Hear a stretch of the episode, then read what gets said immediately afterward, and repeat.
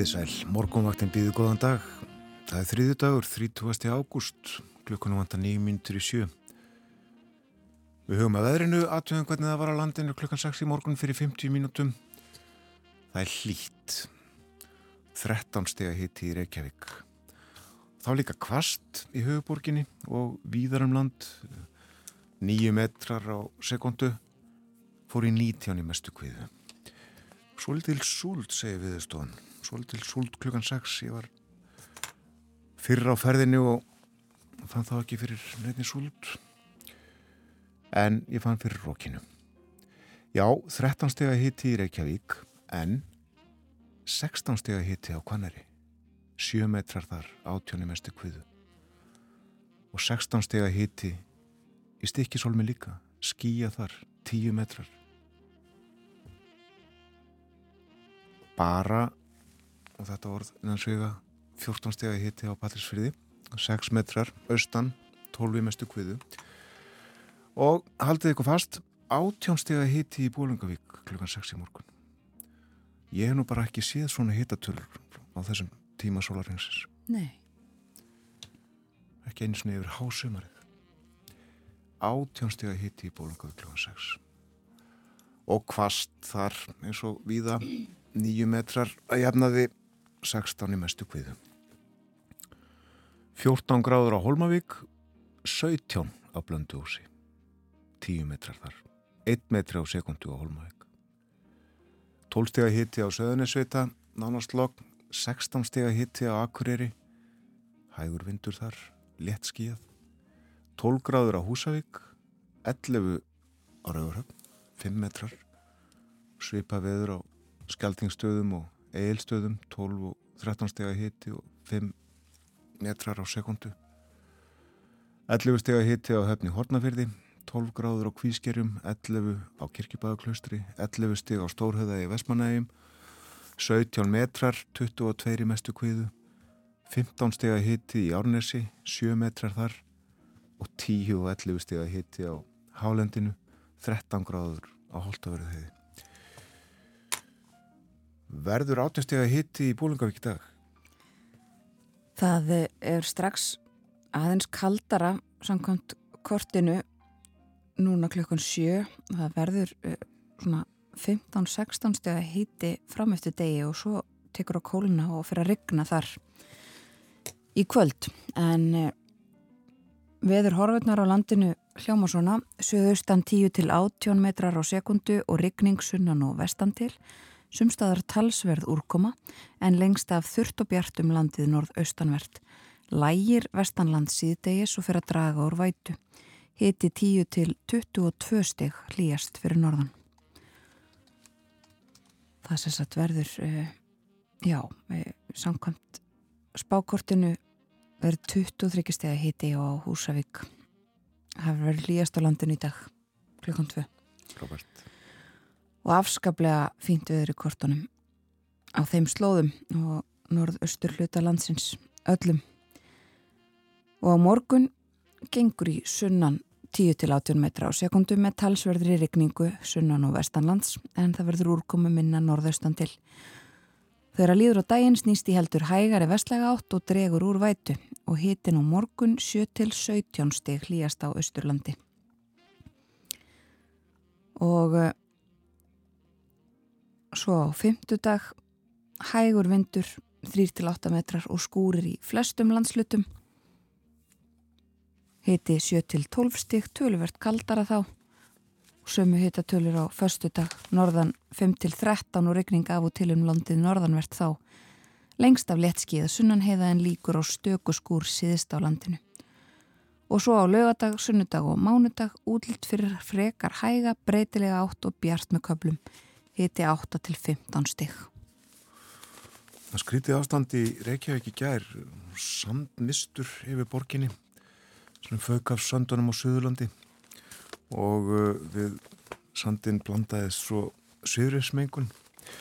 Ekki gott og uh, fólk sem glýmir við, við öndunar erfileika hvað til þess að vera inni og uh, var ekki líka fólk hvað til þess að halda börnum inni Já. ég held það verður vonandi ekki þannig í dag, rindir svolítið í nótt og regnir kannski eitthvað áfram í dag. En það er nú ekki gott skikni. Nei, þetta lítur ekkit sérstaklega vel út hér uh, fyrir utan glukkan hjá okkur í efstaleita að minnstakosti. Það er ímislegt á dagskrá morgunvaktarinnar í dag, förum kannski nánar yfir það hér á eftir. Hlustum á eitt lag, heyrum Nora Jones syngja Seven Years.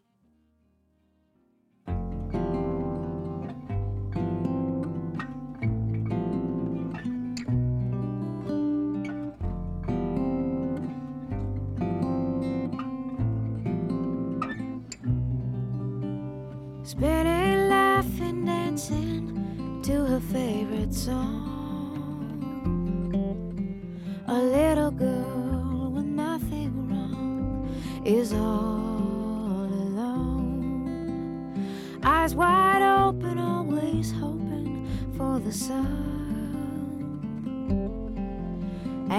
She'll sing her song to anyone that comes along. Fragile as a leaf in autumn, just falling to the ground without a sound. Crooked little smile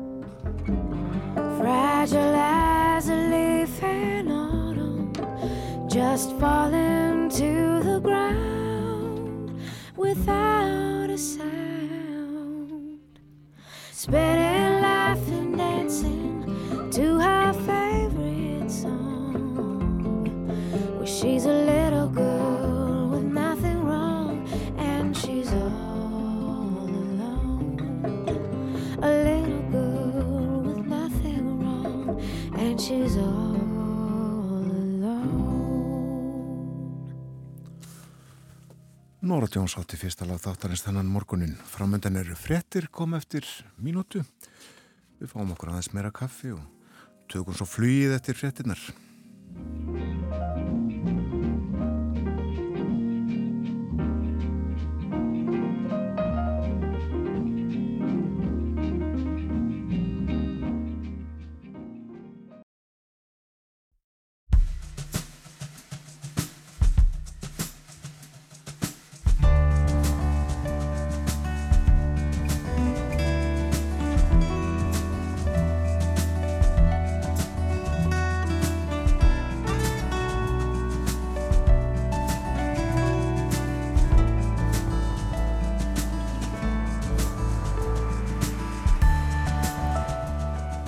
Morgunvaktin heilsar og býður góðan dag.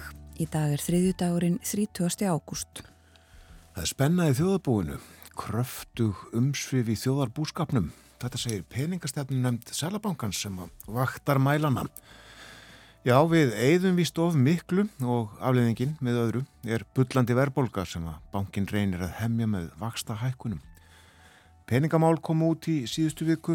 Við drögum fram megin línutnar með Þórðisna Júliusinni, riðstjóra kjarnas. Það verður hjá okkur upp úr halv átta. Sífælt er unnið að því að gera þjónustu við okkur, borgarana í landinu, stafræna.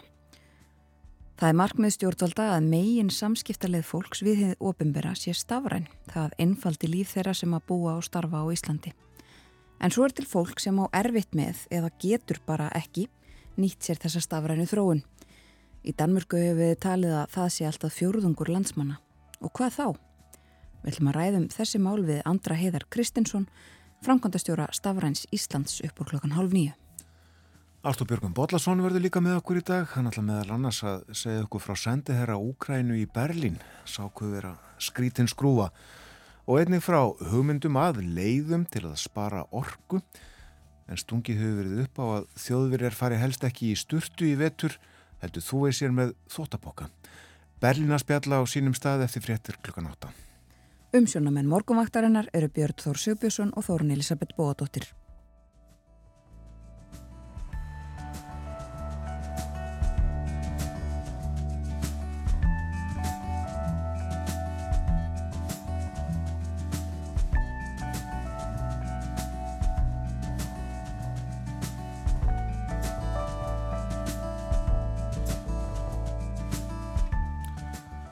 Lítið skikni í Reykjavík sem stendur uh, átt að mig ekki almeinlega ágórt þetta er jafn slemt og í gær en uh, þá fauk sandur hér yfir höfuborgarsvæðið og, og, og hérna, fleiri byggðalögu þetta nærlegjandi sandur á Suðurlandi. Og nú vonast til í gær að þetta myndi ekki gerast í dag. Myndi rigna þannig í nótt og sandurinn var ekki þessa leið? En uh, já þetta er svolítið sérstætt og þetta er uh, forsýðu efni bæði morgunbladsins og fréttabladsins í dag myndir uh, af Reykjavík. Og sérst svo sem lítið af borginni út af þessum skilirðum sem að voru mistur lagði yfir höfuborginna í gær og skigði á útsinni segja morgunblæðið og fréttablaðinu segir í mjög kvassri suðaustanátt hafa sandarnir á Suðurlandi blásið sandi, já, sandrablása sandi yfir höfuborgarsvæðið og Sveifrik fór langt yfir heilsuvenda mörg, mörg í háteginu í ger.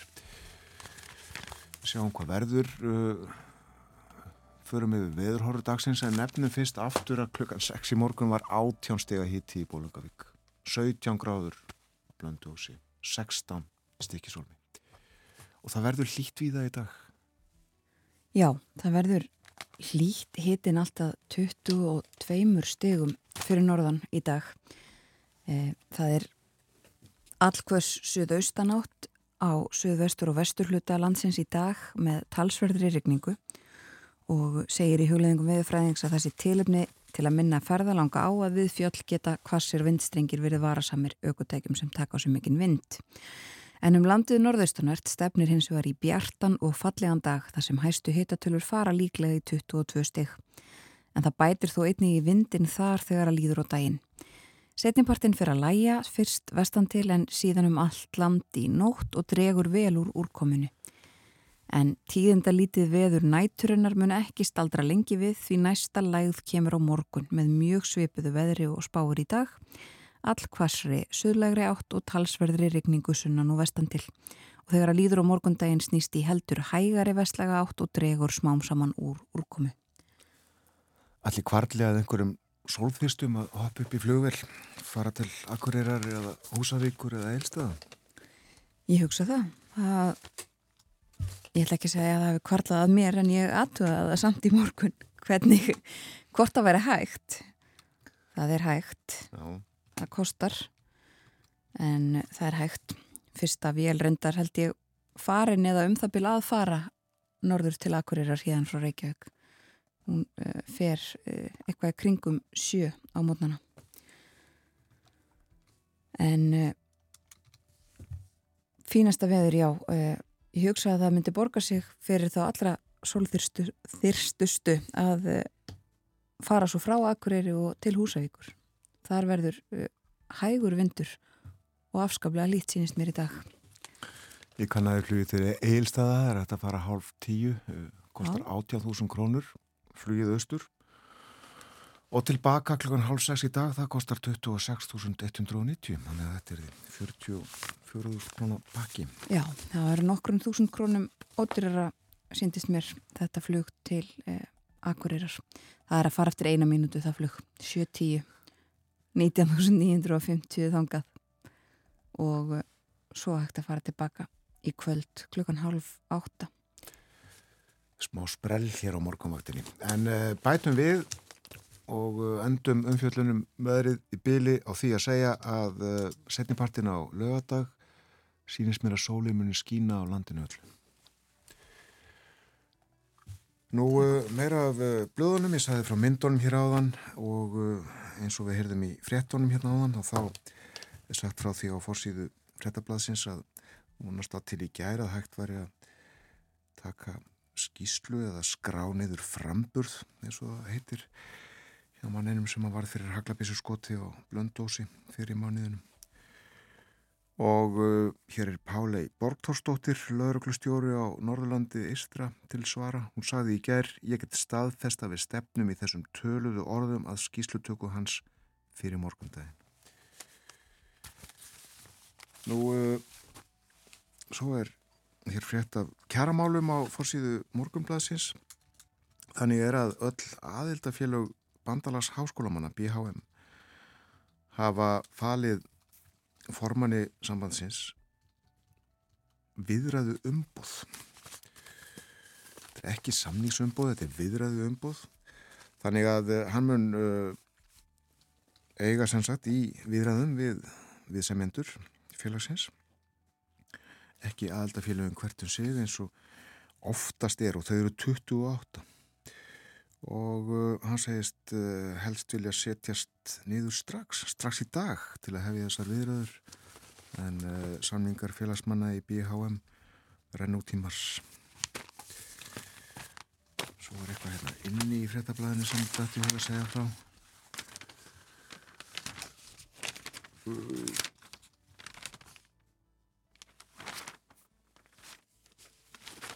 Ég gleyma því. Kannski var það í morgunblaðinu Lifandi þáttur. Já, fjallaðum forvitnu og andanefjurnar á pallinum á Akureyri inni í morgunblæðinu. Og nei, ég finna það ekki sem ég ætla að tala. Það kemur kannski á eftir. Ég vil að segja þetta gott að blöðu með Billy og hlusta á lag, ég held að. Já. En uh, þannig er að á áranum upp úr 1920 þá var starrakt í bandaríkinum hljómsveit sem að nefndist The New Orleans Rhythm Kings. Hún hefði skamstöðuna Nork. Þetta var vinsæl hljómsveit. Hún hefði mikil áhrif á jazzin og tónlistina á þessum tíma. Og í dag er liðin slettöld síðan sjömenningarnir í sveitinni fóru í hljóðver og tóku upp þetta hér. Lægið heitir Tiger Rag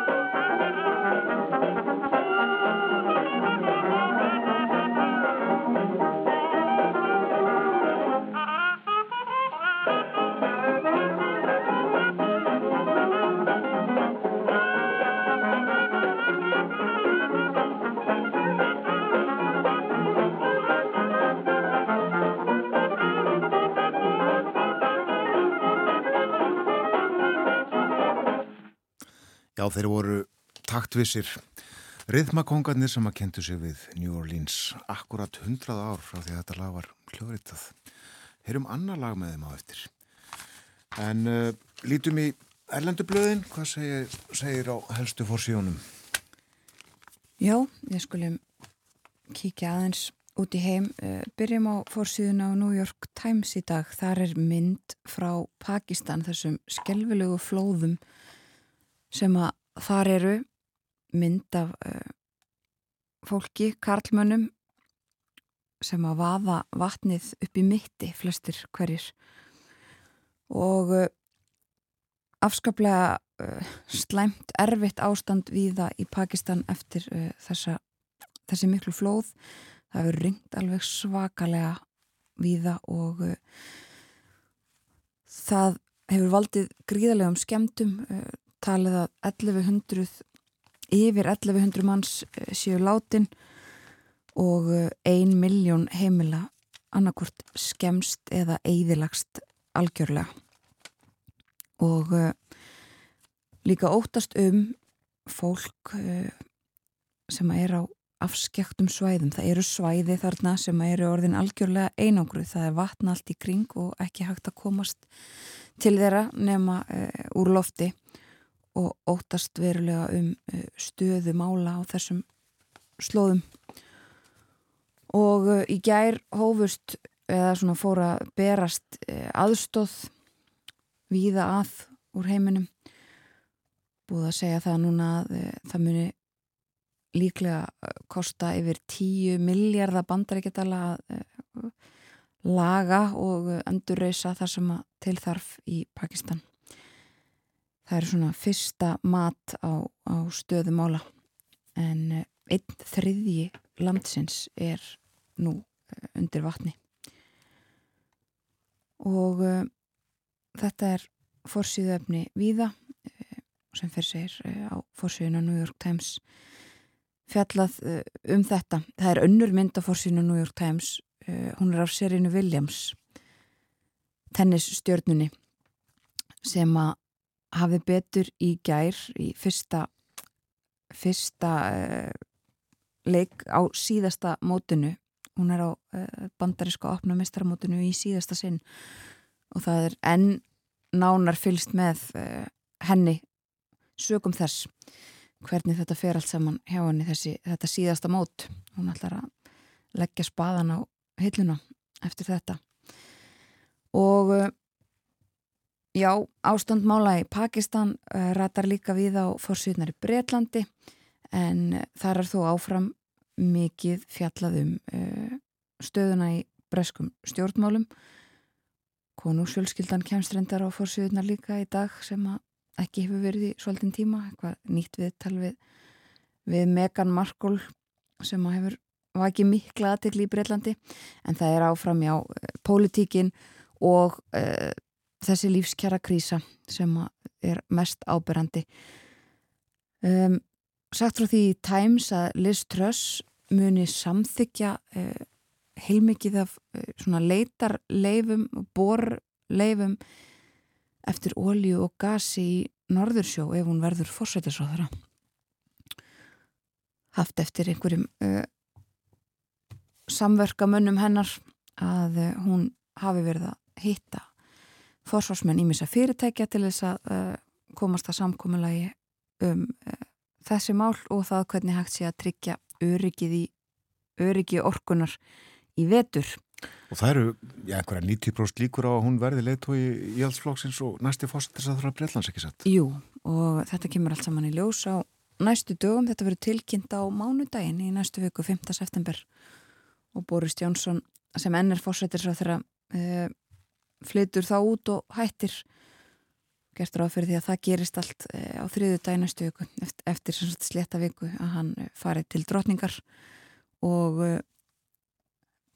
byggðist lausnar og nýr formaður nýr uh, forsættinsráþra og leiðtögi íhaldsflokksins uh, takki þá við.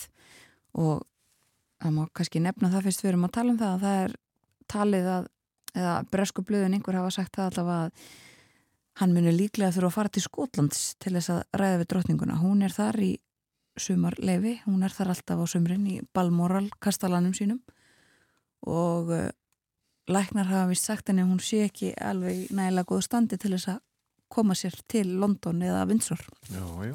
Það verður í fyrsta skipti þá sem að í, í lengri tíma minnstakosti sem að um, sem að nýr fórsettisráþra Bretlands verður formlega skipaður í Skotlandi. Honum verður ekki skotaskuld úr því.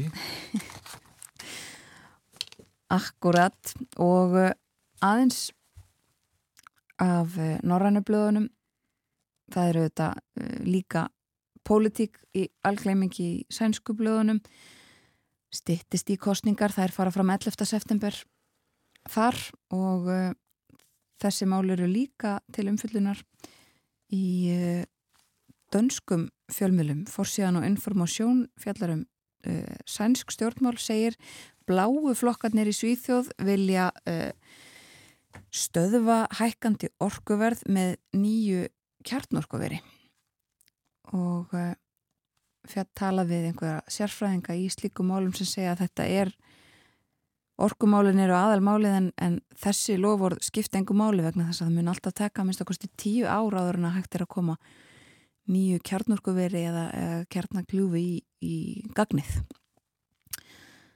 og uh, svo rétt til Úkrænu uh, þar er hafinn gagnsókn úkrænska hersins í söðri og fulltrúar kjarnorkustofnun og saminuðu þjóðuna eru líka komnir til kænugarðs og ætla að heimsækja þetta stóra kjarnorkuver uh, á morgun, frá og með morgundeginum og fram á lögadag. Við ætlum á eftir að uh, tala um stafrænt Ísland. Já. Mart gott við þau áform og, og það sem að þegar hefur verið innleitt en ekki alveg allir sáttir. Það er ekki allir gott með að, að tengjast tölvum, gegnum tölvur eða síma. Og nefndum þetta í gær, fjallaðum þetta í Danmörku. En uh, hjá okkur verður uh, maður sem að er titilinn Frankatastjóri Stafrans Íslands, Andri Heiðar Kristinsson og uh, við ræðum þessi mál vitt og breytt langar svona tengslu við þetta að lesa eins og bændablaðinu frá því á fymtudagin nefndum þá að á fórsíðu þessar blaðs má sjá Jón Eriksson bónda á búrfelli í miðfyrði inn í litríkri vinnustofu sinni en uh, á milli þess að maður sinni skefnunum búinu þá uh, málar hann. En hann er nefnilega að tala svolítið um tölvurnar í þessu vittali og uh, ég veitni þetta, Jón var mjög pólitískur og laðið sér fram við að fylgjast vel með málefnum líðandi stundar. Í kjölfar hrunsins ákvað Jón hins vegar að losa sig við sjónvarpið og hann hefur ekki fylgst með því síðan 2009. Lætu sér döga að hlusta á útvarp til að fylgjast með fréttum. Ég er með útvarp í traktornum inni í húsi og svo er ég með útvarp hérna á vinnustofinni. Jújú, jú, ég veit alveg nóg um það sem er að gerast. Svo að spáð alveg rosalegu veðrið árið 2019 og ég var látin vita að það þurfti að slökka á öllum ramagstækjum því það erði svo mikið flögt á ramagninu. Og það var svo mikið flögt að það var ramagslust í tvo daga og úr þessu kom hjá mér svo þráhegja að fara ekki tölvuna og hef ég ekki notað hana síðan. Konan lætu mig vita það er eitthvað mikilvægt í tölvupóstunum en svo er það aldrei neitt mikilvægt. Og uh, hann segir líka að uh, hann er að tala um símamál, hefur aldrei átt farsíma, eini símin á bæinu með gamli landlínu símin. Það er því ekki hlaupið að því hann á sambandi við Jón nema með því að ringja í heimasíman í hádeginu, skrifa bladamöður. Og það var svo aðni óverinu 2019 að ég var svo eini sem gætt ringt og láti vita af mér því gamli símin með kopartræðinum var virkur á meðan allt hitt rundi. Og Jón segir að með þessu hafi hann minkað allt áreiti sem að gefur honum meiri tíma til þess að vinna við búskapin og sinna listinni. Þegar fólk spyrir mig hvernig ég hafi tíma í allt þetta, segi ég því að hugsa um tíman sem það eigður í símanum, tölvunu og sjónvarpinu og taka það saman. Þetta er minn tími. Frá uh, Jóni Bónda í miðfyrði til New Orleans.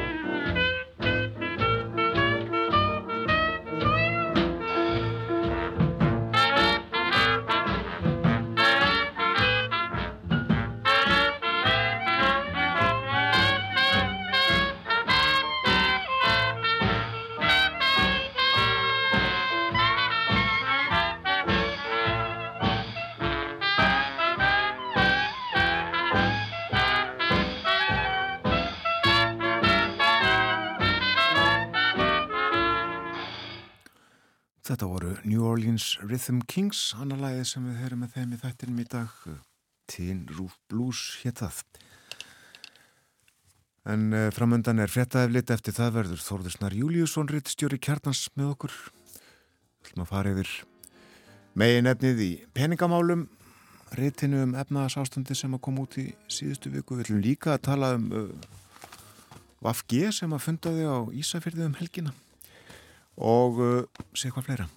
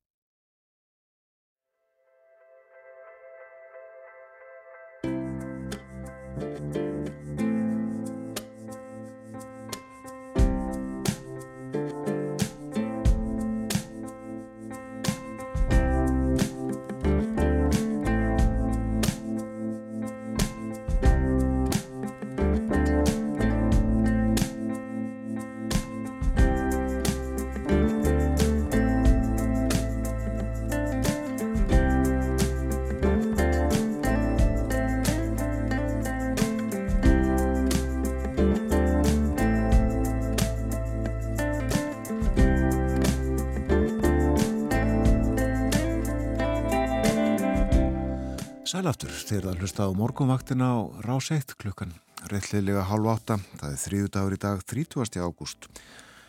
Um sjónumenn þáttarins þannig morgunin Þórun Elisabeth Bóadóttir og Björn Þór Sigbjörnsson.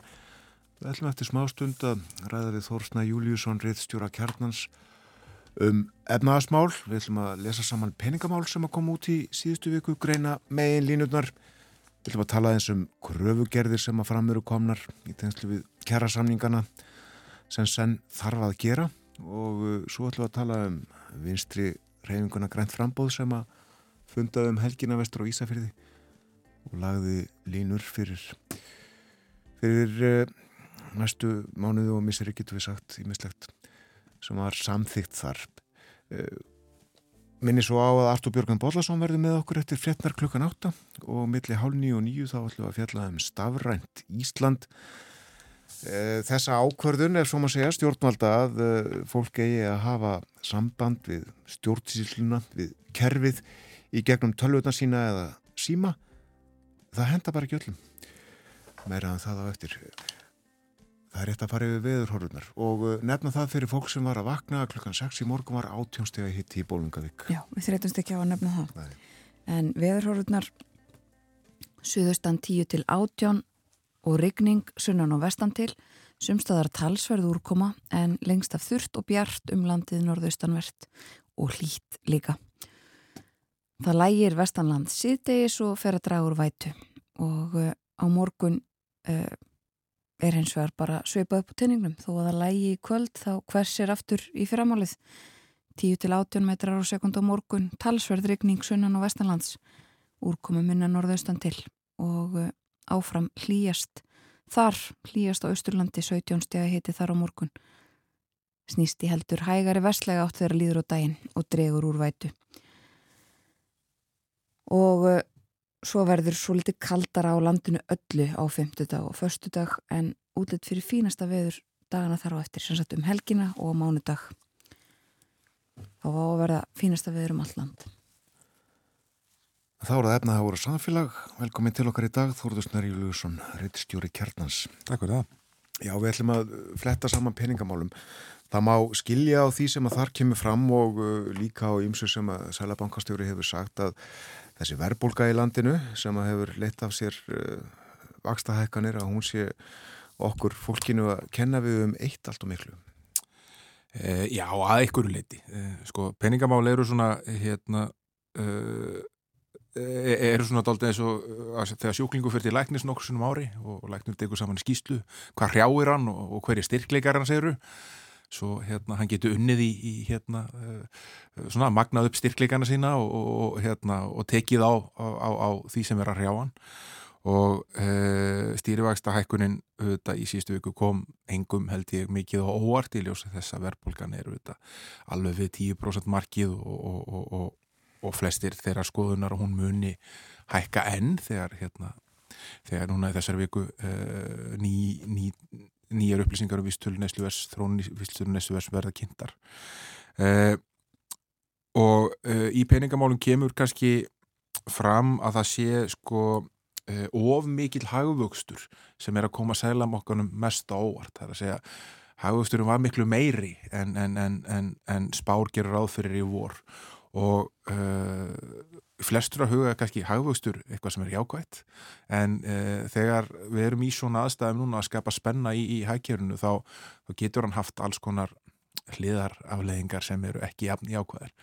Er við að taka stilda með þess á öðurbólguna. Einmitt. Og uh, þessi háastur er saðust af af engum uh, hraðari bata í ferðarþjónustu og þrótt meiri enganislu.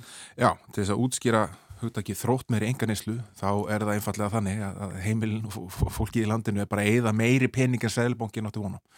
Við erum að eigða meira í nýslu, við erum að kaupa fleiri bíla, við erum að hérna, fara í fleiri utanarsferðis uh, og svo framvegs og það munar ekkert smá sko á spánni sem var lögð fram í mæ og, og, og raunveruleikanum sem síðan ofinberaðist. Uh, eh, Neyslu útgjöld heimila júkust um 8,8% fyrstu þremur mánuðum ásins.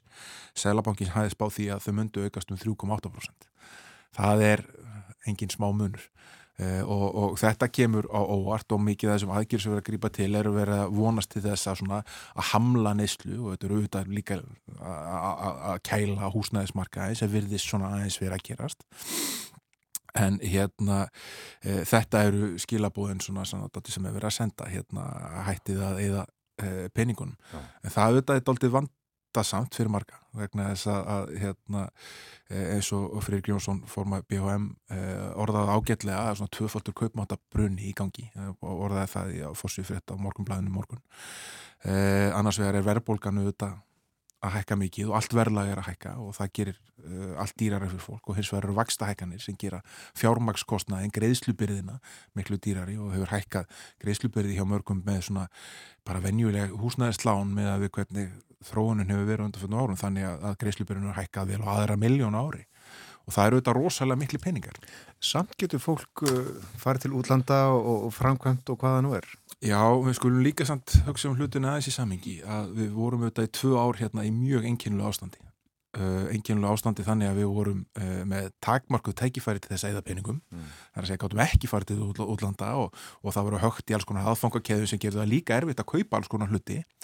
Þannig að hérna, uh, sparnaður jógst gríðarlega á sama tíma og vextir voru auðvitað mjög lágir og svona fólk var með meira ráðstöðuna fyrir, meira á milli handana vegna þess að kostnarum að borga íbúðalánunu, hann lækkaði svo mikið í þessu lágvaksta umhverfi. Eh, þannig að það sapnaðist upp sparnaður og þetta þörf fyrir fólk að gera alls konar hvort sem það er hérna utanlandsferði eða, eða einhvers konar fjárfestingar bara sem fólk uh, telur eðlilegt að það þurfa að ráðast í í lífinu. Og það sem hefur gæst á þessu ári er að að fólk hefur verið að ganga á þennan spartnað við séum bara kannanir sína það það er bara þriðjungur hérna sem er í vandræðum fyrir einhverju síðan sem var í vandræðum með að láta endan á saman um hver mánaðamót.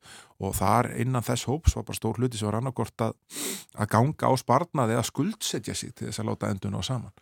Og þetta verður að ganga út frá því að einhvers konar eðsla í eitthvað annað en bara mat og húsnæði sé alveg eðlileg í nútíma samfélagi. Stundu þartu að uppfara eitthvað sem e, þú þart til heimilisins.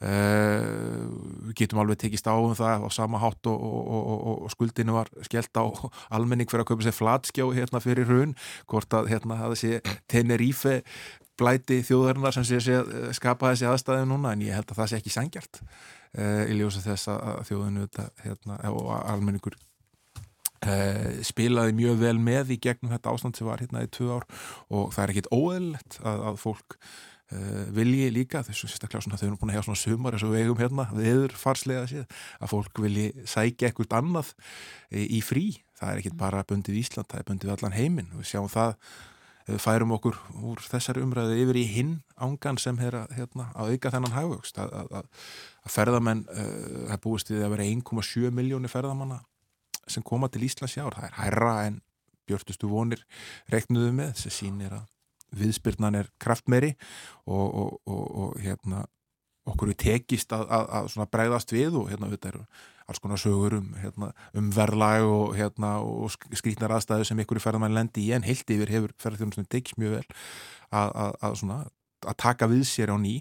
Hann er helst að vandamáli það að vanda fólk uh, út af því að það eru 5.000 mann sem fóru úr störfum í ferðarþjónustu og þeir eru að koma hægt tilbaka og þá þarf að manna það aðalega með uh, innfluttu vinnuafli og, og það er uh, flókið og gengur hægt. Já.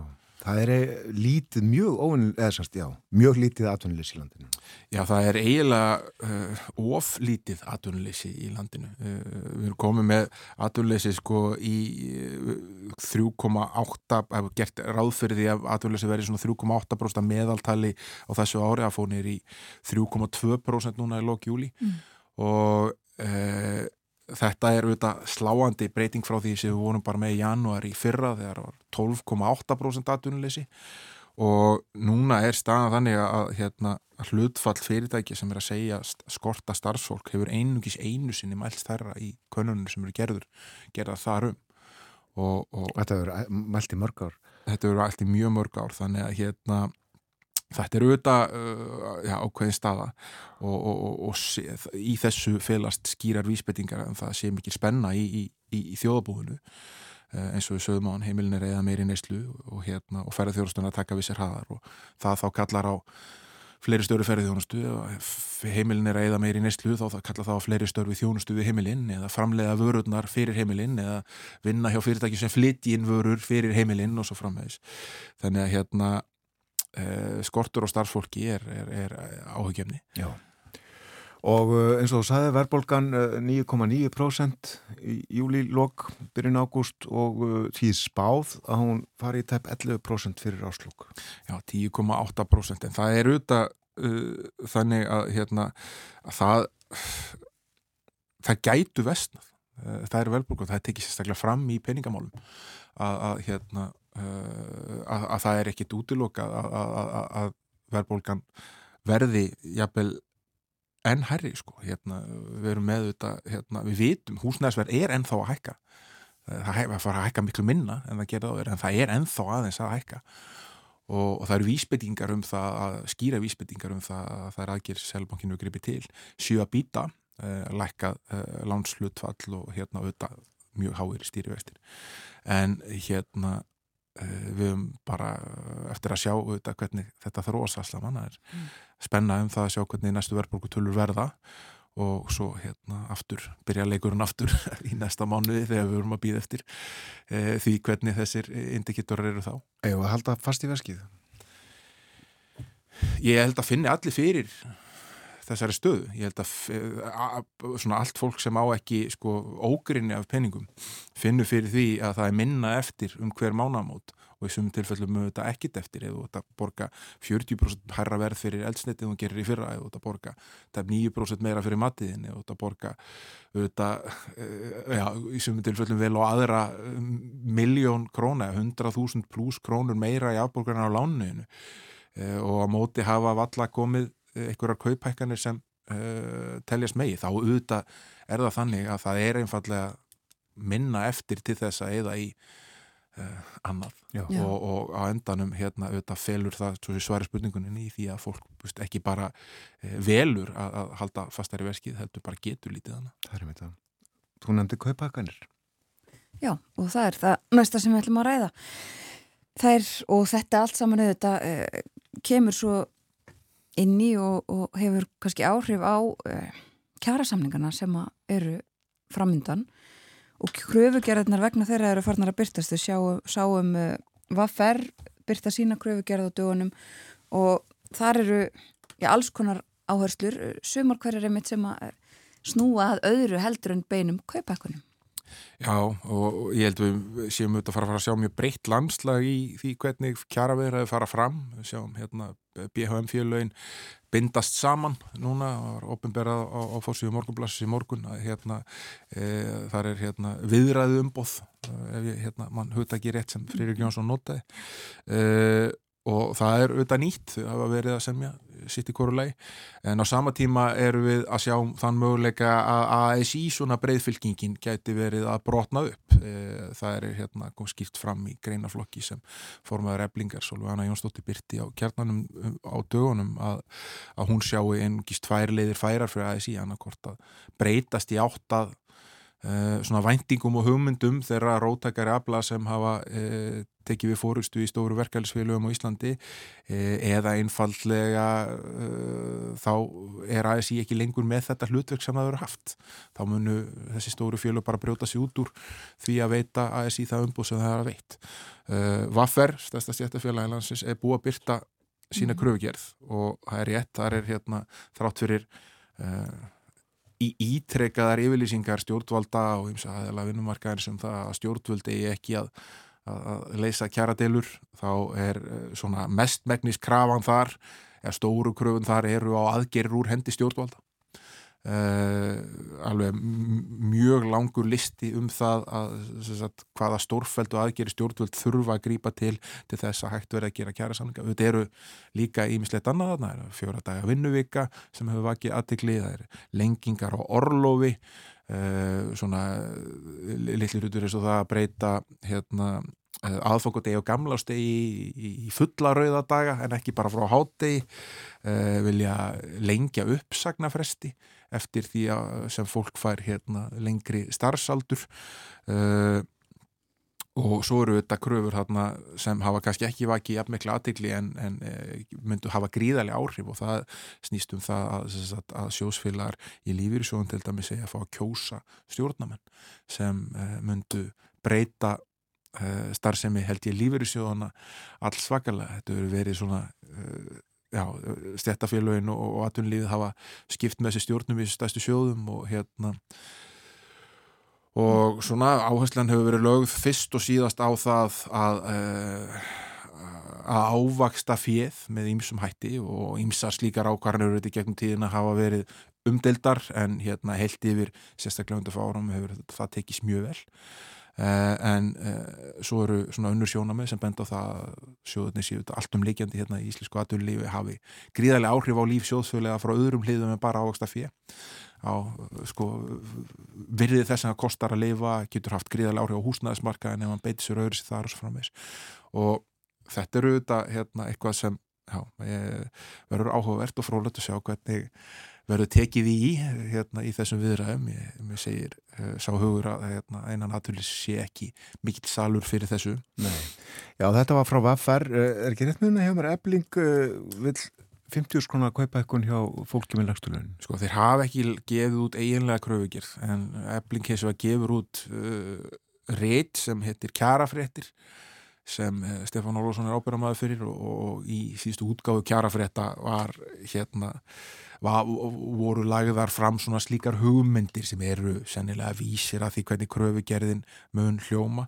En þar var líka gerð sko krafa á mjög stóran pakka frá stjórnvöldum til þess að hérna liðka fyrir e, kjara samlingagerð e, þetta er hérna með, með að þeirra græna sem Vaffer er að gera er það veist, að, að það veri afnuminn verting og neytendaláðum uh, álögur verið lækkar, skattar og launafólk verið lækkað, virðisauka skattur á nöðsynja verið verið lækkar uh, þetta er enga smá aðgerir sko.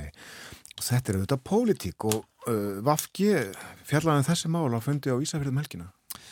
Já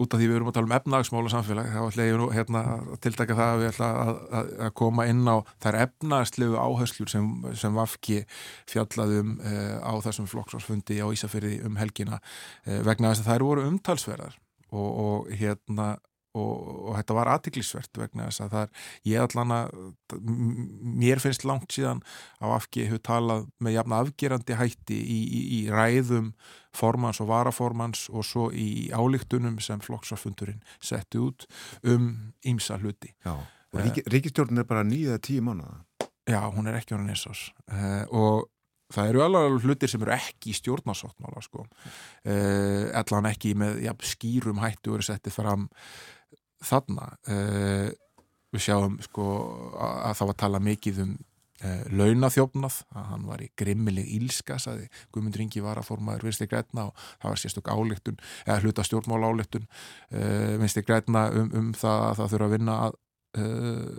launaþjófnaði. Mm. Katrín Jakobsdóttir saði að nú væri komið tími til þess að fjármastekju fólki myndi fara að greiða útsvar og það eru þetta ekki með þeim skýra hætti í stjórnarsóttmála þrátt fyrir að það sé svona í að aði í tengslum við skattmatsaðgerir uh, og uh, það verður aðtilsvett að sjá hvernig umræður um, viðræður um það uh, hvernig eigi að fá þá sem eru með fjármarstekju til þess að greiða útsvar farið fram við ríkistjónaborðið mögulega er, hérna, er þegar, líkur, þegar fyrir einhvers konar samkómulaga á milli ráðamanna ríkistjónaflokkana um það. Mm að þetta sé leið sem verður farin eh, og þetta kannski sprettur upp úr því sem við höfum rætt hér áður að þetta, sko fjármastekjur eh, í fyrra voru alveg ævintýrlega háar 181 miljardur og, hérna, sem voru að falla til hjá, hjá rosalega litlum hópi í stæra samhenginu sem er þá ekki að greiða uh, útsvart við sveitafélagana sem þau búa og þá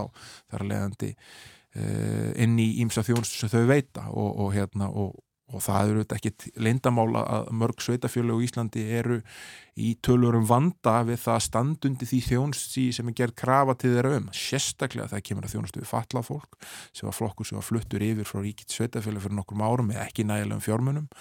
Og svo núna að undafötnu vegna komu flótamanna það sem er gríðalegt álag á öll kerfin og sáum það kannski byrtast best í, í hérna, eh, bókun sem var gerð eh, í Reykjanesbæ þar sem uh, það var svona sagt bara herðu ef við þýðum það bara í einu setningu önnu sveitafjölu verða að fara að taka þátt í þessu en bara Reykjavík, eh, Reykjanesbær og eitthvað lítið hafnafjörur sem eru svona stæstu sem taka uh, sinna þessari þjónustu. Þannig að hérna uh, þetta geti verið svona tengt því uh, að auka svegur um sveitafjölan til þess að veita þessa þjónustu og, og, og mæta þessari svona jafnbræðiskröfu sem hefur verið kallað mikið eftir og svo gaggrindi Katrín mjög harlega Eh, það að hljóð og mynd var ekki fara saman í aðunlífunu, fórstjóralaunin væru að hækka og kaupugatnir væru að koma aftur og, og, hérna, og það var ekki að gera kröfu á, uh, á venjulegt launafólk að sækist ekki eftir launahækkunum þegar topparnir eru að gera það með þeim hætti sem þeir eru að gera. Uh, hún saði líka í sinni ræðu og tiltók það mjög sérstaklega að landsvirkjun er aldrei engavætt Uh, að minnstakosti meðan hún fær eitthvað að ráða. Og það er pólitísk yfirlýsing og hún er, hefur efnaðaslegt gildi. Uh, viðstu græn í flokksrás uh, samþettum sínum lístu yfir stuðningi við hækkun veiðigjálta það er líka eitthvað sem er ekki í stjórnarsáttmála með slíkum hætti og er ekki eitthvað sem þessi ríkistjórn hefur verið að hérna kannski að tala allan að heildrænt fyrir þrátt fyrir að ymsi ráðherrar hafi verið á þeim buksunum þannig að það er aðeinsverð efnaðsleg og pólitísk yfirleysing og uh, það er sérstaklega líst yfir stuðningi í stjórnmálálutunni við stuðning uh, við baráttu launafólks fyrir mannsamandi kjörum. Þannig að þarna svona og þú veist, endur skoðan á almannatryggingakerfinu og, og, og svo þetta, þetta er stæsta svona viðfólksregnum sem við hefum framöndan, það er að móta eitthvað svona ramma um, um vindorku veru og svo leis þetta er svona umræða sem er orðin já, hún er ronin mjög heit og, og eitthvað litið erfið í stjórnbólunum hún er ekki búin að koma neitt rosalega kannski mikið upp á yfirborðið en það er algjörlega skýrt sínismanni á stjórnbóla áleitun vensti greitna að, að, hérna, að það eigi ekki að fara áfram fyrir utan þau tvö verkinni sem eru þegar rammaáallun nema þegar það sé búið að móta ramma og sérstaklega móta ramma skýra lagaramma um gjaldtöku af vindorkuverum. Ég held að það sé að störfun nefnd sem að allar er einmitt að búa til þennar ramma. Já og, og, og það er svona eins og manni heyrist þetta sé að þá sé ja, tveir flokkarnir innan ríkistjórnarinnar alveg á því að þetta eigi svona uppbygging vindorkuveruna eigi fyrst og síðast að fara fram á vettvangi landsverkjunar uh, og í kringum þegar raskasvæði. Já, Katrín Gagrindi, fórstjóralaunin uh, laun stjórnmáðamanna hafa hækka talsvert eða ekki á síðust ára Jú, það hækka alveg svakalega mikið. Það er bara ekkert hægt að gera við því Það, er e, það eru auðvitað margt hægt að gera við því og og það eru margar ástæðir sem líkja þar að baki. Auðvitað kjarar á tók ákveðunum að hækka launin gríðarlega og svo til þess að vinda ofan af kjærraðu þá var það lagt niður og, hérna, og, og, launin bundin við uh, vísitölu og þengt skiluðu því að launin hækka umfram það sem þau eru að hækka almennt mm. sérstaklega í krónutalið þetta því að þau eru orðin mjög há Við hefum hér einhverja bestlunu stjórnmálamenni heimi Við hefum það og, hérna, og líka, skulum líka bara muna fjölda stjórnmálmann sérstaklega á sveitastjórnastíðinu þar sem við erum með tugi sveitastjóra og bæjastjóra og borgastjóra á mjög góðu launum Segjum þetta gott að spjallum efna á samfélag þessa vikuna. Kæra þekkir Þorðusnar Júliusson.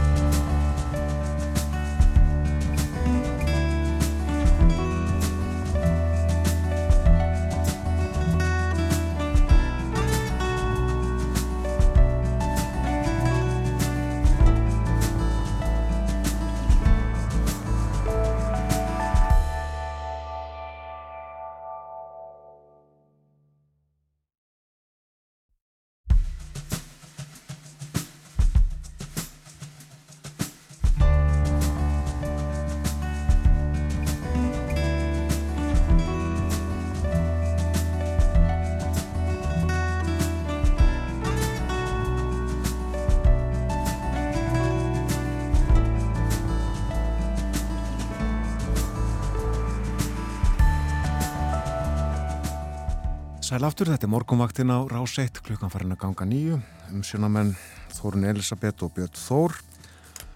Það er klukkustund eftir að þættinum í dag og uh, það var fjallast svolítið um veðrið í fréttatímanum hér áðan.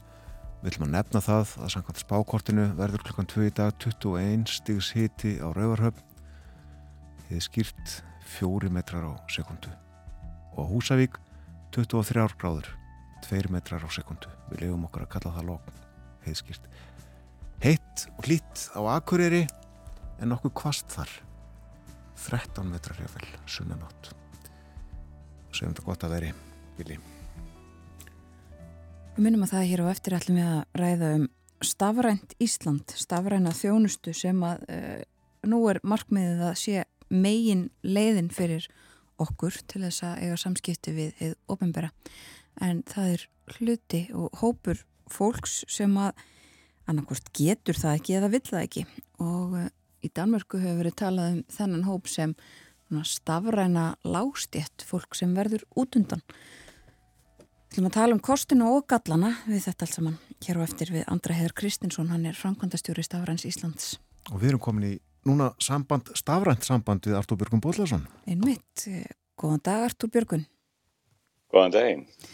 Við ætlum nú ekki að ræða uh, stafrænt samband, við ætlum að tala um ímislegt annað í dag. Við sögðum frá því hér á morgunháttinni í lok síðustu viku held ég að stjórnvöld í Þískalandi hefur kynnt einhverjar orgu sparnaðar hugmyndir, ætlum meðal annars að hætta að kynnta og ofinberðar byggingar eins mikið í vetur og hætta að lýsa upp minnismerki og stittur og fleira. Eh, það er ímislegt sem er rætt, eh, við höfum auðvitað rætt reglulega þessi orgumál undanfarið eh, en þessar hugmyndir eh, eru nú já, ekki mjög róttakar með að við ímislegt sem að aðra, annað fólk er að, er að velta upp í orkusbarnaði í Þýskalandi. Þú ætlar að segja okkur aðeins frá því í dag. Já, já, nei, það er nú kannski ekki svo alveg mál þó að menn þurfa að fálma sig áfram í myrkri í áttabrennborgarliðinu til að finna það en hins vegar að þá uh, hefur mikið verið rætt og það ekki í Þýskum fjölmiðlum undanföldni hvernig almenningur geti sparað orkuna svona í daglegu lífi og um, til dæmis hafa þessi sömu stjórnmálamenn sem vilja slökka ljósun við Brandenborgarlið og fleiri almenna vikingar við mjög ráðagóðir þegar kemur að því að upplýsa kjósendur um árangus ríkustu leiðita til þess að spara orku. Uh, sem dæmum að nefna að Vilfríd Kretschmann fórsettisáðara Barton-Württembergs uh, eini græni fórsettisáðara fylgis í Þískalandi hann kom sér á framfæri á dögunum við Þískar almenning eða í síðustu viku að uh, þvottapokar varu mjög nýtsamleg uppfinning eins og hann orðaði það. Og uh, þessi ábending ráðhverjans vakti að vonum mikla aðtikli uh, margir höfðum ekki hugmyndu um hvað þvottapokar voru sko voru hún að gleyma því fyrirbæri. Ynga kynsluðan hafi ekki kynst þeim endilega. Og það var bent að það að útlendinga kem og hótel í Þískalandi þar sem svona fyrirbæri væru þá þá heldur þeir gerðnan gestir að þetta væri eitthvað sem ætti að nota til að geima eitthvað dóti og svona. En eh, auðvitað þvóttapókin svolítið fallin í gleimsku en, en mörgum varð svona af eldri kynsluðinu hugsað til bensku árana þegar að mamma var að þóðum á þenn kroppin með því að strúkaða með rökum þvóttapóka frá kvildi til Lilja sem var auðvitað afskaplega notalett en, en eitthvað sem við töldum nú vera að fortíðinni til. Já, og sumir uh, svona fóru líka að átta sig á því uh, að það var auðvitað fráleitt orkusóun sem að fælist í að vera alltaf að fara í sturtu jáfnvel okkur í mótni eins og sumir gerðu. Og, og, hérna uh, einn uh, svona samverkamaður eða eitt stjórnmálakona hér í Berlín hún bætti nú betur og, og, og svaði að, þessi sturt uh, þvottur væri alveg út í hött. Hún, hún færi bara stundaði núna katta þvott undir sturtunni á mótana og færi alveg voðalega stutt. Og þá náttúrulega kom þessi hugmyndum kattaþvott upp líka sem var bara mikla orku en maður færi að stunda almennt kattaþvott en uh, þvottapókin uh, söðumenn gæti verið náttúrulega í sumum tilvikum alveg hreint sko frábært fyrir bæri og og einhver svona glettin og gáskafullur uh, og hugmyndaríkur orku spartnarsjafræðingur, hann benti líka á það í þessu sambandi að, að ekki mættu nú gleyma baðkarinu blessuðu sem að menn varu fæður að vannrækja mjög mikið og rifjaðu upp að á árum áður þegar að lítið var um heitt vatn á heimilum og það var nú að taka fram að það er nú ekki hitta með hverja vatni hér í, á meiri löndunni eins og í okkur nei, nei. en þessi vandamál eru nú ekki mjög brín á Íslandi en, en þegar lítið var um heitt vatn á heimilinu þá þá var sko notuðum um baðkarið, sko þá notuðu heilu fjölskyldullast sama baðvatnið og fóru bara hver og eftir öðrum í baðið. Einmitt. Og þetta vildi að meina geti verið heilmikill orkuspartnaður og svo höldum nú þessu áfram að annar starfsbróði Kretsmanns, kristilegi demokratin Daniel Gunther sem er fórsettisáður að Slesvíkur Holtsettarans, hann eh, lagði líka til að fólk hætti að stunda svona óþarfa eins og það að vera að sækja gufuböðu sínit sem er ekki dana heldur en orkusóun. Og, og svo maður alltaf nefna að, að, að Kretsmann, áður nefndur græni fórsettisáðurann, stakk upp á því að, að það þóttur um mjög frumlegt að, að fjölskyldur hættu að hýta íbúðirnar allar, þar sé all herbyggi íbúðunar hjá sér og hýtuðu bara eitt herbyggi Já, þar sem að fjölskyldan kemur saman. Og ég var nú að hugsa þegar ég heyriði þetta þessi aðtöðasemd að þá hérna þannig að hugsa til þess að þetta verður nú svolítið skemmtileg það er svo myndi skapa svona svona baðstofustemning í gamla dag á Íslandi þegar torpaðirni voru héttu sko. Akkurat. en, eh, en svo náttúrulega kom ofinbyrðið tilkynningum að, að nú verður lagt til við alla þá sem að ættu rækju búður og ættu erindi búður bæði uh, kaupmenn og, og, hérna, og viðskiptavinni að þeir gættu þess að loka alltaf dýrum og eftir þegar þeir kemur inn í búðunar. Það er aldrei nennar opnar búðardir í Þískalanda næsta vetur og þetta er áskorun til þjóðarinn allra þannig að, að en, en, en eitt sem að mætti kannski nefna þó að, að því sömur er nú svolítið framsýnir og vita það að það er ekki langt til jóla þegar hausti kemur, Mm að þá vorum menn, það er óttast að það getur svolítið döflegt á aðvendunni þetta árið. Það er Þískaland er mikið jólaland og mikið um skreitingar og ljós og svona og, og ymsir nefndu að, að svona að svona spartnaðarfræðingar á borðum við kretsmann myndu til dæmis reyna að koma í veg fyrir eða koma því í kringa að fólk hætta að nota og kaupa ljósa serjur í jólatrinn sín og, og fara að hverfa aftur til þess að nota lifandi kertaljós eins og gert verið í gamla dag og uh, þannig að maður sér það fyrir þess að þýska fjölskyldur sitti hér í einu herbyggja alla saman í baðstofustemningu og horfa á kertaljós. En, en uh, svo við sleppum nú öllu gamlið þá Það er þetta þannig að, að, að það er greinilegt að ráða menn óttast að það verður nöðsynlegt með einhverjum hægt að takmarka orkunótkun ekki bara á almennum og ofnböru vettvangi heldur líka í heimahúsum þegar að fara að kólna í kotunum og, og það er menn óttast að fara að kólna svolítið í kotu fólk setna og, og þessi ótt er að verða sífilt áleitnari. já, einmitt og, og það er kannski svona að þessum svona, kannski sumum skrítnu hugmyndum sleftum að þá sko, hvernig er það þá? Kvíðir fólk almennt fyrir vetrinum vegna þessa? Já, það er náttúrulega alltaf einhver hópur og einhver hluti þjóðarinnar sem gerir það, menn eru mis uh, svona, satt útsettir fyrir kvíða, Mm -hmm. en auðvitað höfðar þetta til uh, margra þegar verið að tala svona og, og fólk hlusta grænt, en í þessu svona máli þetta er bara kannski eins og þegar var verið að spá fyrir um, um faraldurinn og hans frammynd á svona tíma, við erum nú rétt að koma út úr COVID-faraldurinnum, Já, eða kannski þó ekki því að að láta bakk uh, hérna, heilbyrðisháður af Þískarans, hann er nú alltaf báðið við um afskaplega erfitt uh, hérna, höst í vændum faraldurinn getur farið að blossa upp aftur og veturinn verið eitt að en, en þessi, þessar hraksbár þar að segja að fólk sýti hér uh, smitað COVID í litlum baðstofu kiturum og, og horfa á kertaljós uh, uh, loðendi uh, um jólinn að það er nú eitthvað sem að alltaf ákveðin hópur skulum við segja, tekur til sín og, og þetta er, við þekkjum það bara fólk er misjaflega gefið fyrir kvíða og misjaflega útsett fyrir kvíða og, og þetta hefur auðvitað þau áhrif að maður sér það bara sem samskiptamiðlánu hér að, að fólk er döðfætt margt þar að segja þeir sem eru minni í sér og þau verða hrættir en, en, en svona almennt held ég að fólk reynir nú að taka þessu með stóískri ró en það eru þetta spár og, og hérna og á mótli kemur og ég held að það hefur verið í fréttum heima líka, er um að eitthvað hefur komið í fréttum heima um, um, um hérna þessar norskur barna að nú til dæmis eru allar, allir gasgeimar Þískarlands og gastankar að fyllast miklu hraðar heldur en að, að uh, álitið var eða ætla var og, og búið var að gera ráð fyrir þannig að það eru nokkur ljós í miskunum skulum við segja svo notur þá svo ríking áfram. Já. Það gengir betur að, að afla orku gjafa heldur en óttast var allavega.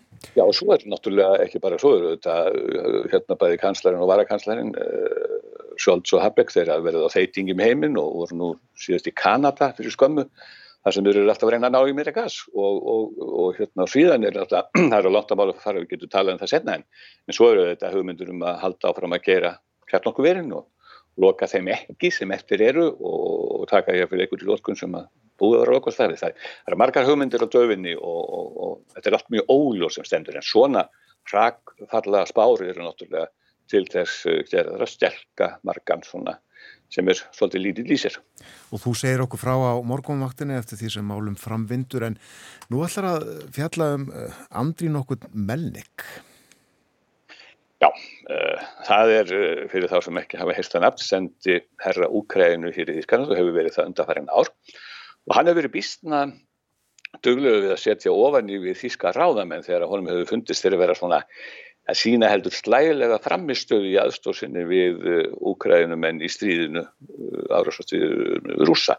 Þannig að, að sko, hann sá til þess á sín tíma að, að Steinmeier Þískarlandsfórseti fekk þau bóða að hann var ekki velkominn til Úkræðinu þegar að fórsetin höfðust heimsætja landið samt Macron og setna fauk svo í en gagvart Ólaf Scholz kanslara og þá fekk hann útráð fyrir gremju sína í garð kanslarans hún fannst hann verið allt ódugluður og heikandi við að, að láta útkæðumenn frá þungavopn. Svo hann, hann kallaði Ólaf Scholz kanslara ofnbyrða belædíkti livervúst uh, fyrir þá sem ekki er þýskunar segnu þá bein þýðinga því er móðguð liveralkæfa og þetta orðatiltæki muni að rættu sinni í þeirri viðletni svo við fyrir nú í, í orðina á miðöldum sko, eða í þeirri trú á miðöldum heldum en að lífsafin eða, eða með öðrum vorum skapið og þar með reyðin ætti sér upptöku í lífrinni svona svolítið öðru þetta myndi vera sko, meininginni með þessu orði væri það sem við myndum kalla svona geðurlöðra geðurlöðru nokkur til það sama. Og nú sem sagt létt Melník hafa það eftir síðan viðtali að Mikael Kretsmer fórsettisáður að uh, hérna, Saxlands hann sé ekki lengur velkominn til Úkræðinu en áður hafiði Melník bóðið honum í heimsók og ástæðan fyrir því að hann afbóða eða aftur kallaði þetta heimbóð saman vera þá að Kretsmer hefði í samtalsþætt í sjónapinu lagt til að stríði í Úkræðinu er þið sett á ís eða sett í frost eins og það. Og menn settust, það týtti bara vendanlega hann hafi gert vopna hlýje og menn sættust við samninga, samningaborðið til að reyna að finna einhverja varanlega lausn á þessum hildarleik og Með þessum orðum sagði Melning að ráðhæðan að veri beinvinins að leggja Pútin vopn upp í hendurna uh, og með því að hvetja til þess að úkvæðurum en hættu að verja sitt heimaland fyrir yfirgangi og grimdrúsa og þetta, þetta taldi hann verið alveg ó, gera þennan mann alveg óaland ófærjandi og heitir svona mála hann mun nú ekki hella þýska ráðamenn mikið lengur þessi á getið sendið herra sem hefur endar sko fyrir svona kvartvísi sína og sérkennilegt orðbráðu köplum og, og ansi harðar árasur á þýska stjórnmálamenn svona verið misjaflega vel þokkaðu hér í landinu en uh, hann er að segja mér ekki hella ráða með mikið lengur hér því að hann, það er búið að kalla hann heim Já. til Úkrænu Selenski fórseti kallaði hann heim á sínum tíma og hann fer hérðan sem sagt í, í höst þannig að það verður ekki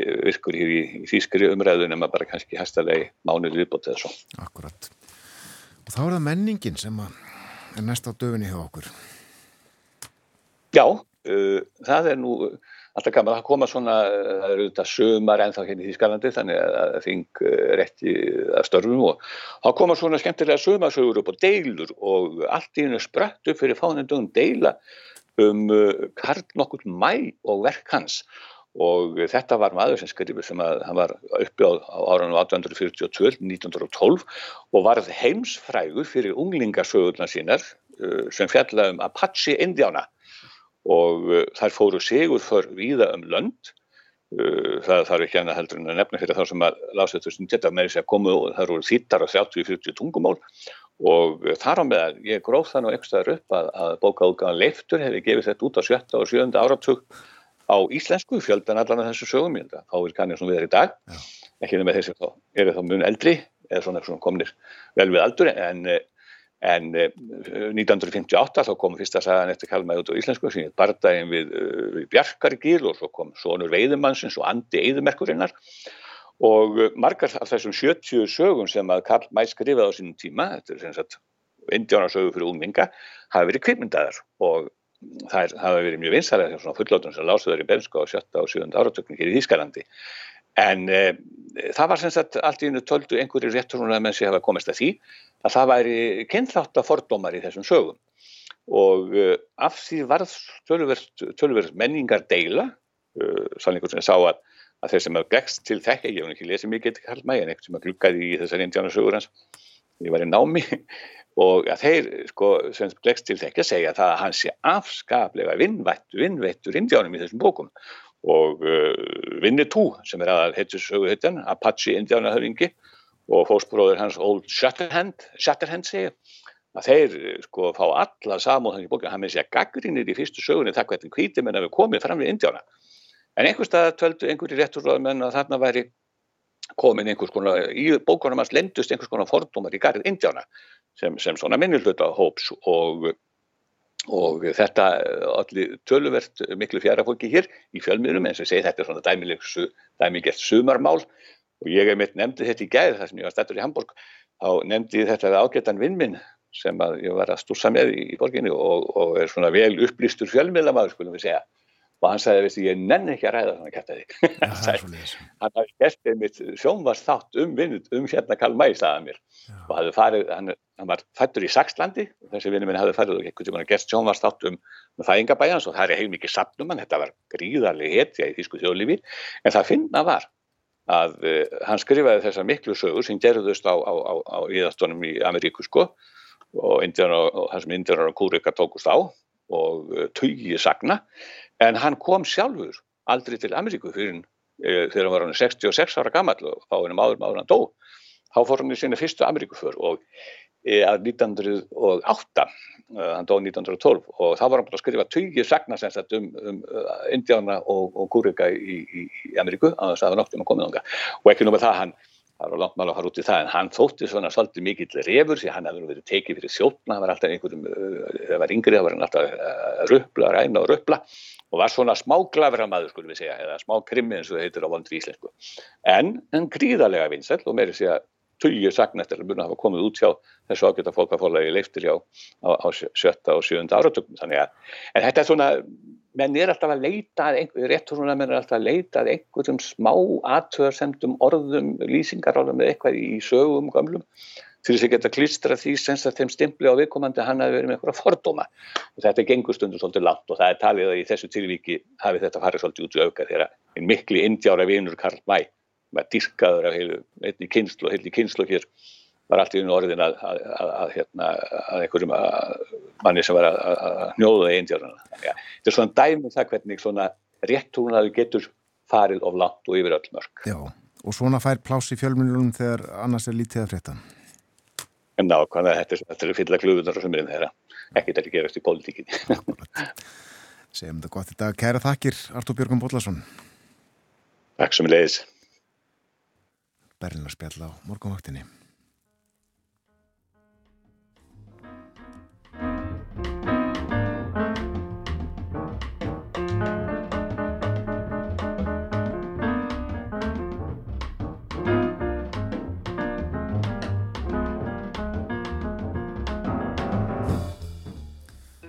Sjóður í Silfurvatni hétt einn bóka Karls Mæ sem að gefum var út á Íslandi. Kom út 1965 og uh, það ár var líka sínt samnefnd kvikmynd í Östubæðabíói, kannski einhverjum mun eftir henni. Við gerum það ekki hér. Nei, Ég, og við leikum í morgun lag sem að var hljóritað þessum degi fyrir akkurat 100 árum. Og ég skoðaði blöð íslensk frá þenn tíma. Og uh, þar var meðal annars sagt að fórsvíðu morgunblaðsins frá því sem var í kvikmyndahúsunum daginn þann. Konan ræður var uh, myndin í gamla bíói sjónleikur í sex þáttum. Aðalhutur Lucy Doreen og Alfons Fríland Konan ræður er einhver allra skrautlegast á best leikna kvikmynd sem hingaðu komið Konan ræður hefur verið sínt víða elendis og allstaðar var ekki mikla aðtegli en það er austurískur kvikmyndaðinaður frægur um allan heim og almennt álitið að þaðan munu bestu kvikmyndirnar koma framvegis. Þetta var skrifað fyrir hundra árum. Konan ræður í gamla bíói en í nýja bíói þá var þar í síningu myndin Ötull Bladamaður afar spennandi sjónleikur í sjö Vestley Barry og Agnes Aites líkuð aðhluturkin Vestley Harry er alþektur um öll lönd fyrir leiklist sína þó hann sé enn ungur. Hér er hann þektur frá filmunum Fóstri leggjalangur og Bladadrengurinn Djandi sem báðar voru síndar á í nýja bíói og þóttu ágetur þess er þó kannski þeirra best Frettæðilegut eftir smástund fyrst auglýsingar og uh, svo er það Stafræna Ísland. Fjöldum um það hér á eftir. Samskipti okkar við uh, kerfið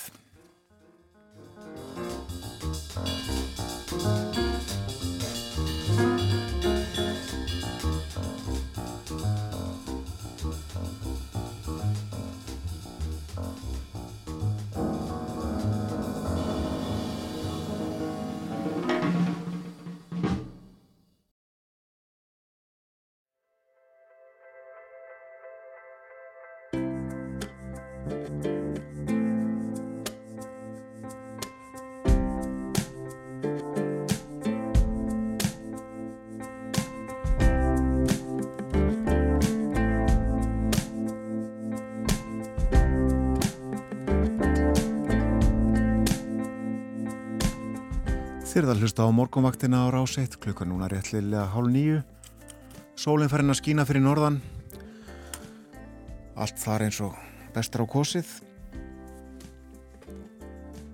Umferðin á höfuborgarsvæðinu gengur hægt fyrir sig og margir fastir inn í búri úr gleri og stáli. Og ég heimskur þulurinn kynnin lag eftir Magnús Eiríksson á Rauðu ljósi og þetta með heimskuna tilvitnun í textan.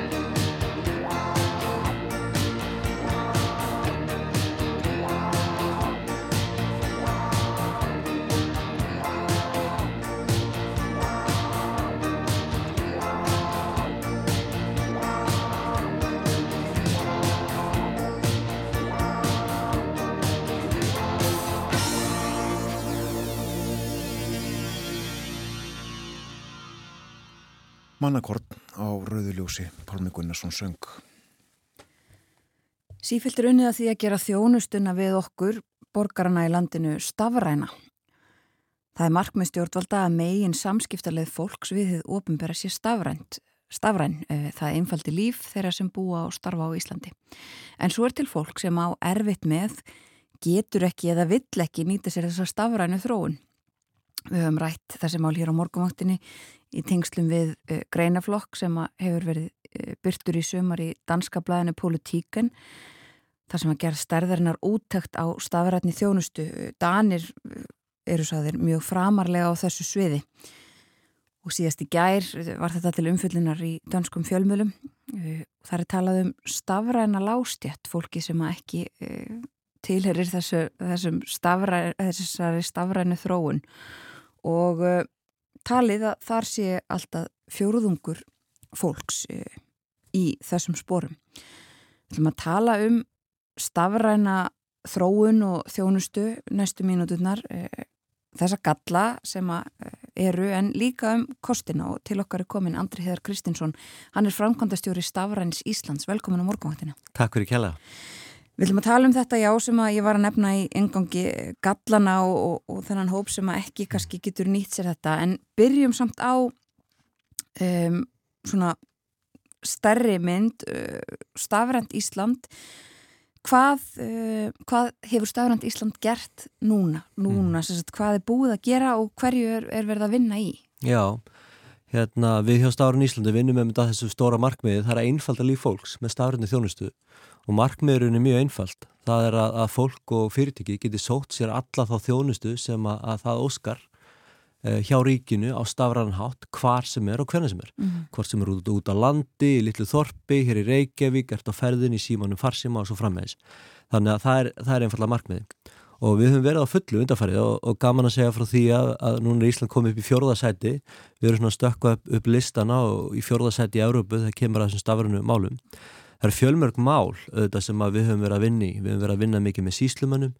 Uh, nú er fæðingarorlosumsöknin orðin alveg stafræn þannig að fóröldra geta unni saman í að, að sækja um og, og, og hérna, stilla sitt fæðingarorlof af. Uh, nú rafna þinglýsingar hafa verið mikið umræðinu og, og það er verkefni sem er komið vel á veg. Nú er þetta endur fjármagna og þinglýsam rafverðinum hætti. Við höfum eftir að klára síðast áfangar sem eru kaupsamningar og svo eru fjölmargin, sko, hundruði lítill á storra ferla, leifisumsóknir hjá fyrirtækjum, uh, umsóknum sagavottorð, fullt af ímiskona leifisferlum sem eru orðin stafræn sem við erum kannski ekkert að sækja á hverjum degi en, en við erum rosalega fegin að sleppa við ferði hinn með einn í bæin til síslumanna þegar að, að við þurfum á því að halda. Já, þannig að þetta er bara í svona grunninn, það er mitt að fólk getur sótt sér að þjónustu í gegnum tölfur eða gegnum mm. neti og þarf ekki pappir lengur. Akkurat, akkurat. Við erum að vinna því að gera Ísland pappislaust svona að mestu leiti og það líka sparar hérna kólefnisfótsporið, spörum bílferðir, útprentun, sendingakostnað og, slíkt, þannig að þetta er allt svona hluti á stóru myndinni. Já. En þetta er auðvitað eitthvað sem vinst ekki á einni nóttu og, og tekur þó nokkur ára að, að ná þessum mikla árangri sem við höfum sett okkur markmið um. Já, en markmiðið er að, að, að allt verði hægt að sækja svona. Já, algjörða, markmið er alveg skýrt. Markmið er að fólk geti sótt þjónustuna eins og það vil, þannig að þeir sem það kjósa að sækja sér stafræna þjónustu, að þeir geti sótt hana. Já, en þannig að markmiðið er líka þá að þeir sem kjósa að gera það ekki, þeir muni áfram geta gert það með, með gamla læginu. Já, við viljum vera skýr með það. Það er ekki markmiðið okkur að, að færa þjónustuna alfari frá því að verða sko í, í raunheimi yfir í bara stafrænt. Við viljum bjóða þennan möguleika fyrir þá sem það vilja. Já. Það er stór hluti fólk sem vil sækja sér stafrænt þjónustu. Uh, við höfum líka séð allum að sjá stopnunum sem munnið náum með þessu síslumunum að þegar sko stór hluti byrjar að sækja sér þjónustuna stafrænt þá losnar tími uh, hjá fólki til þess að sinna mikilvæga málum, flóknari málum, fjölskyldumálum og málum sem þurfa persónlega og mannlega nálgun að vegna þess að það er fullt af hlutum sem að tölvuna gera bara mjög illa og, og hérna við mannfólki þurfum að nota hvað domkjöðin til til þess að koma að. Já. Þannig að, að, að það er ekki markmið heldur að bjóða fleiri möguleika. Ok, þannig að einmitt eh, sko með hana fólk sem að þarf að sækja sér einmitt þessa einföldu mm -hmm. hluti kannski gerir það sjálft og finnst það bara þægilega að þá verður áfram hægt að gera þetta allt saman í, eigin personu, þá getur hann þá mætt til síslumann svo. Já, akkurat. Já. Þa, það er algjörlega skýrt á okkar Já. þú munt geta mætt. En auðvitað viljum við allir geti nýtt hana. Já, akkurat. Og eins og þú nefnir, þetta er líka kannski spurning fyrir stóran hlutafólks um aðgengið. Eh, Það er nú oft og hefur verið oft rætt um það að þjónusta sé að miklu leiti, svona þjónusta eins og ofnbyrja sé kannski svolítið mikið hér á höfuborgarsvæðinu Mhm. uh, en ekki eh, út á landi og það he- hefti aðgengi. Þannig að þetta líka eh, hjálpar við að jafna aðgengi Já. fyrir þá sem að geta nýtt sér þetta og vilja. Já, það er ekki spurning. Já. Við höfum átt satt sko að þetta er risa byggðamál líka. Það er að stafran þjónusta að, að fólk þurfi ekki að keira stundum langar vegalengdir til þess að fara og sækja þjónusti á síslumanni að fólk geti einfallega sótt hana í stofunni heima á sér. Já. Þannig að, að þetta er mikið hérna jafnræðis og, og byggðamál líka Mm. til þess að jafna aðgengi að þessari þjónustu. En hafið þið orðið vör við þetta sem að ég myndist á í ingangi, það er svona hræðsla, greinumar eins og þannig í Danmörku, við þessa þróun og við það einmitt að fólk verði bara út undan.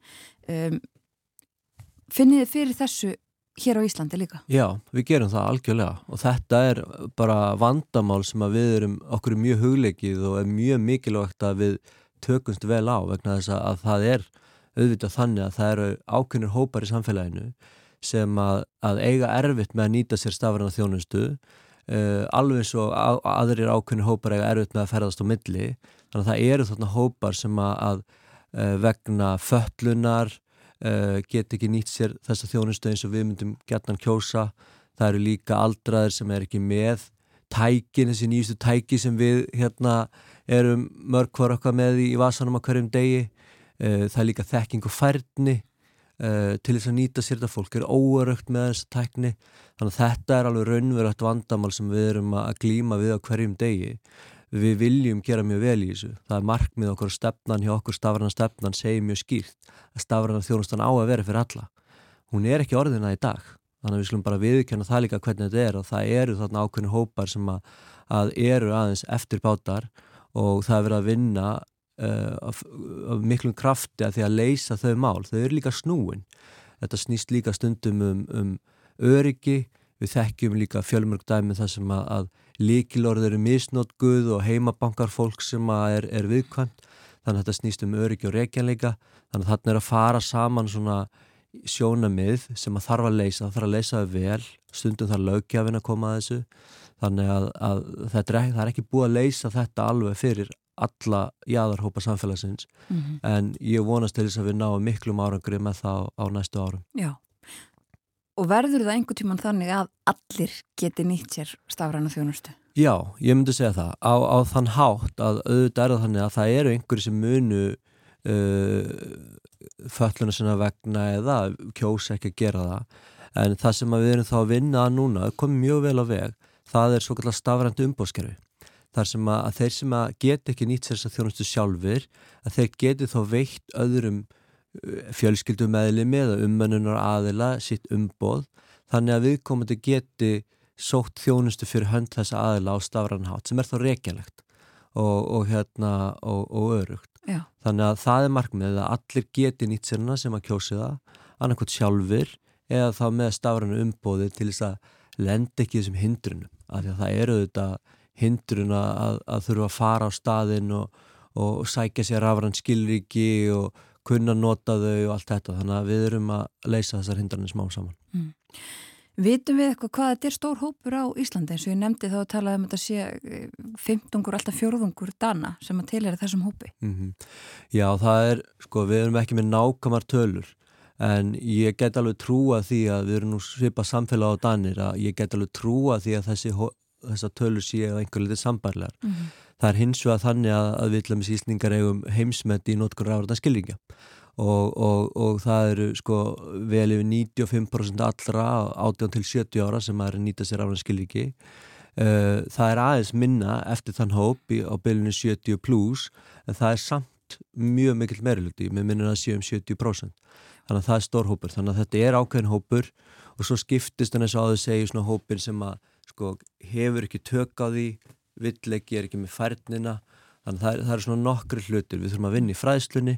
Við munum þetta að séð alveg ótrúlega mikinn árangur í því á sístu tveimur árum að fólk sem að var kannski ekki að nýta sér tæknina fyrir COVID að það er búið að læra á, ímiskonar tæki uh, snjalltölfur og, og síma og þess og þar Mhm. þannig að þetta snýst líka bara um að byggja upp öryggi á fólki til þess að þóra sækja sér þess að þjónustu og nýta sér tæknina. Já.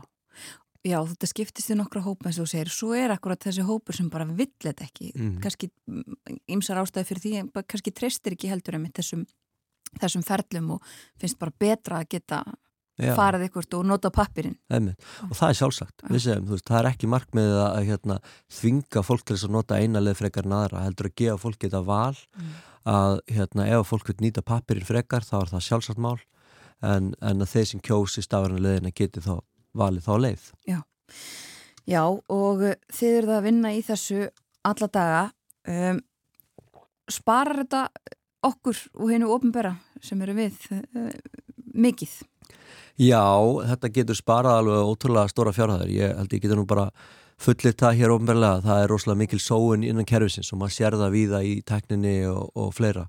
Þannig að það er hægt að spara bæði gríðalegar fjárhæðir innan kerfisins sem er þátt að nýta betur. Ég meina set, setja það í málaflokka sem þurfa meira fjö uh, í staðin fyrir að vera sláin sömu upplýsingarnar frá einni stofnun til annarar að miðla gögnunum rafrænt. Uh, svo sparar þetta líka tíma það er hérna og það er ekki alltaf að mæla hann í peningum. Það sparar okkur bara sem fólki mikinn tíma að vera ekki að flakka á melli stopnan að býða í margar vikur eftir afgriðslu erinda og, og slíkt. Og sumulegis starfsfólki stopnana sem að, að er að vinna þetta. Og, og svo er það umhverfis, þetta spara líka útblástur. Þannig að, að, að það, það er engin spurning í okkar huga að þetta getur haft rosalega góð og jákvæð áhrif á samfélagið að ef við náum að gera betur í þessu En verða þá sko, þessar ofinböru stofnanir og þessi batteri sem að halda utanum all þessi mál uh, verða þau minni, verður fólki fækka þar á næstu árum? Auðvitað, halda? auðvitað er erfitt fyrir mig að segja það og, og fólk er alltaf svona aðeins hrætt um störfin sín í þessari svona stafrænu umbreytingu og, og svoleiðis. Það sem ég held ég geti fullirtar að störfin breytast. Uh, með stofnunum eins og nú nefnir ég aftur síslumenn sem við vinnum mjög þett með. Mhm. Við hefum ekki séð það að, að verkefnin, verkefnin eru næg og, og það er mikill byðlisti þannig að það er sko rosalega langur hali oft sko að snýst þetta ekki um að fækka fólki heldur að vinna betur úr þessum byðlistum sem eru vinna betur og, og, og ná fram meiri, meiri framleiðin í kerfinu Mhm. og það er rauninni það sem við erum að segja sko með spartnaðin, þetta snýst hann skila sér yfirleitt í, í far, meiri framleiðinni, meiri afköstum nú heilbriðiskerfið er mikið rætt, ég held að séu gríðarlega stór tækifæri til að bæta afköstin okkar í heilbriðiskerfinu uh, við sjáum að, að umræða hefur verið um það á skýsla McKinsey sem að fjallaða landsbytalan risa tækifæri í því að, að, að vera með minni yfirbyggingu, meiri sjálfurknivæðingu þannig að fjármagni fari til lækna, til hjúkurna fólks, til fólksins í ummönnun en ekki yfirbyggingu og, og flókin ferli. Mm.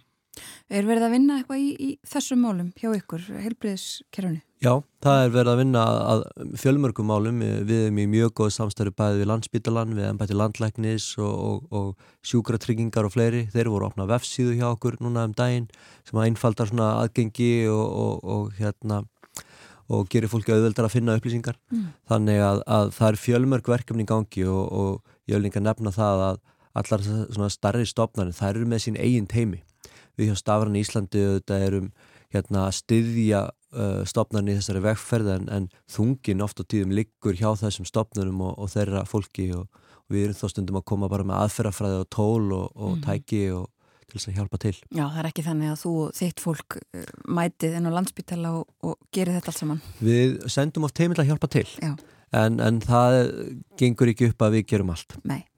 En einmitt sko, kannski bara rétt í lokina því að þú nefnir einmitt, við erum að tala um heilbreyðismálinn, það er nú kannski svona einna viðkvæmast. Mm. þar eru rosalega viðkvæmar upplýsingar og, og slíkt og um, við höfum nú séð að það kemur fyrir af og til að eh, bara það, það fer allt í skrall, ég meina netið og það er líka eitthvað sem er mikið í umræðinu bara net árásir og, og hérna og fleira slíkt. Um, já, hvernig stöndum við í þeim málum og þurfum við að vera eh, svona með varan á hvað það var þar Já, engin spurning, við þurfum virkilega að vera með varan á og fylgjast vel með þróuninni og, og hérna og bræðast mjög vel við. Uh, það er rétt sem þú nefnir að, að netáru sem hefur verið að fjölga það hefur verið, við séum mikla fjölgun í því. Og, og þess að þau eru ríkið fyrirteki að bræðast með vel. Við þarfum að fylgjast mjög vel með vegna þess að þetta þróast mjög stöðut þannig að þessir sko netþrótar þeir eru að uppfara sína aðferði stöðut þannig að þú þarfst að bræðast við. Mm. uh, en það eru hins vegar fjölmarka leiðir og, og okkur hefur gengið mjög vel svona heilt yfir í þeim málum. Uh, með því að nota til að mynda skíja lausnir sem að, að sko uh, skalast betur upp ef ég má nota það orðalag og hérna og eru með sérhæðar varnir við ímiskonar árásum og, og slíkt. Og þá er þetta ekki eins og gerist ennþá hérna hjá við á stopnunum að það fer eitthvað ramaskapall og þá dettur allt niður í fimm tíma. Að, að við byggjum þetta meira þannig að, að ef eitthvað fer niður þá fer samtímis upp í rauntíma á öðrum stað og, og tekur við. Þannig að það er svona betri, betri varakerfi og, og betra öryggi. En, en það er ekkert í þessum heimi sem er 100% örugt, kvorki pappirinn fólk falsar líka pappir á svo frammeðis en, en, en við erum að gera eitthvað besta til þess að, að vinna á móti því að að, að nettrjóðlanir ná sínu framgengt Einmitt það. Kærar það ekki fyrir að koma til okkar á morgunvaktina Andri Heður Kristinsson, framkvæmdastjóri Stafræns Íslands. Takk ég alveg fyrir spjallið. Takk.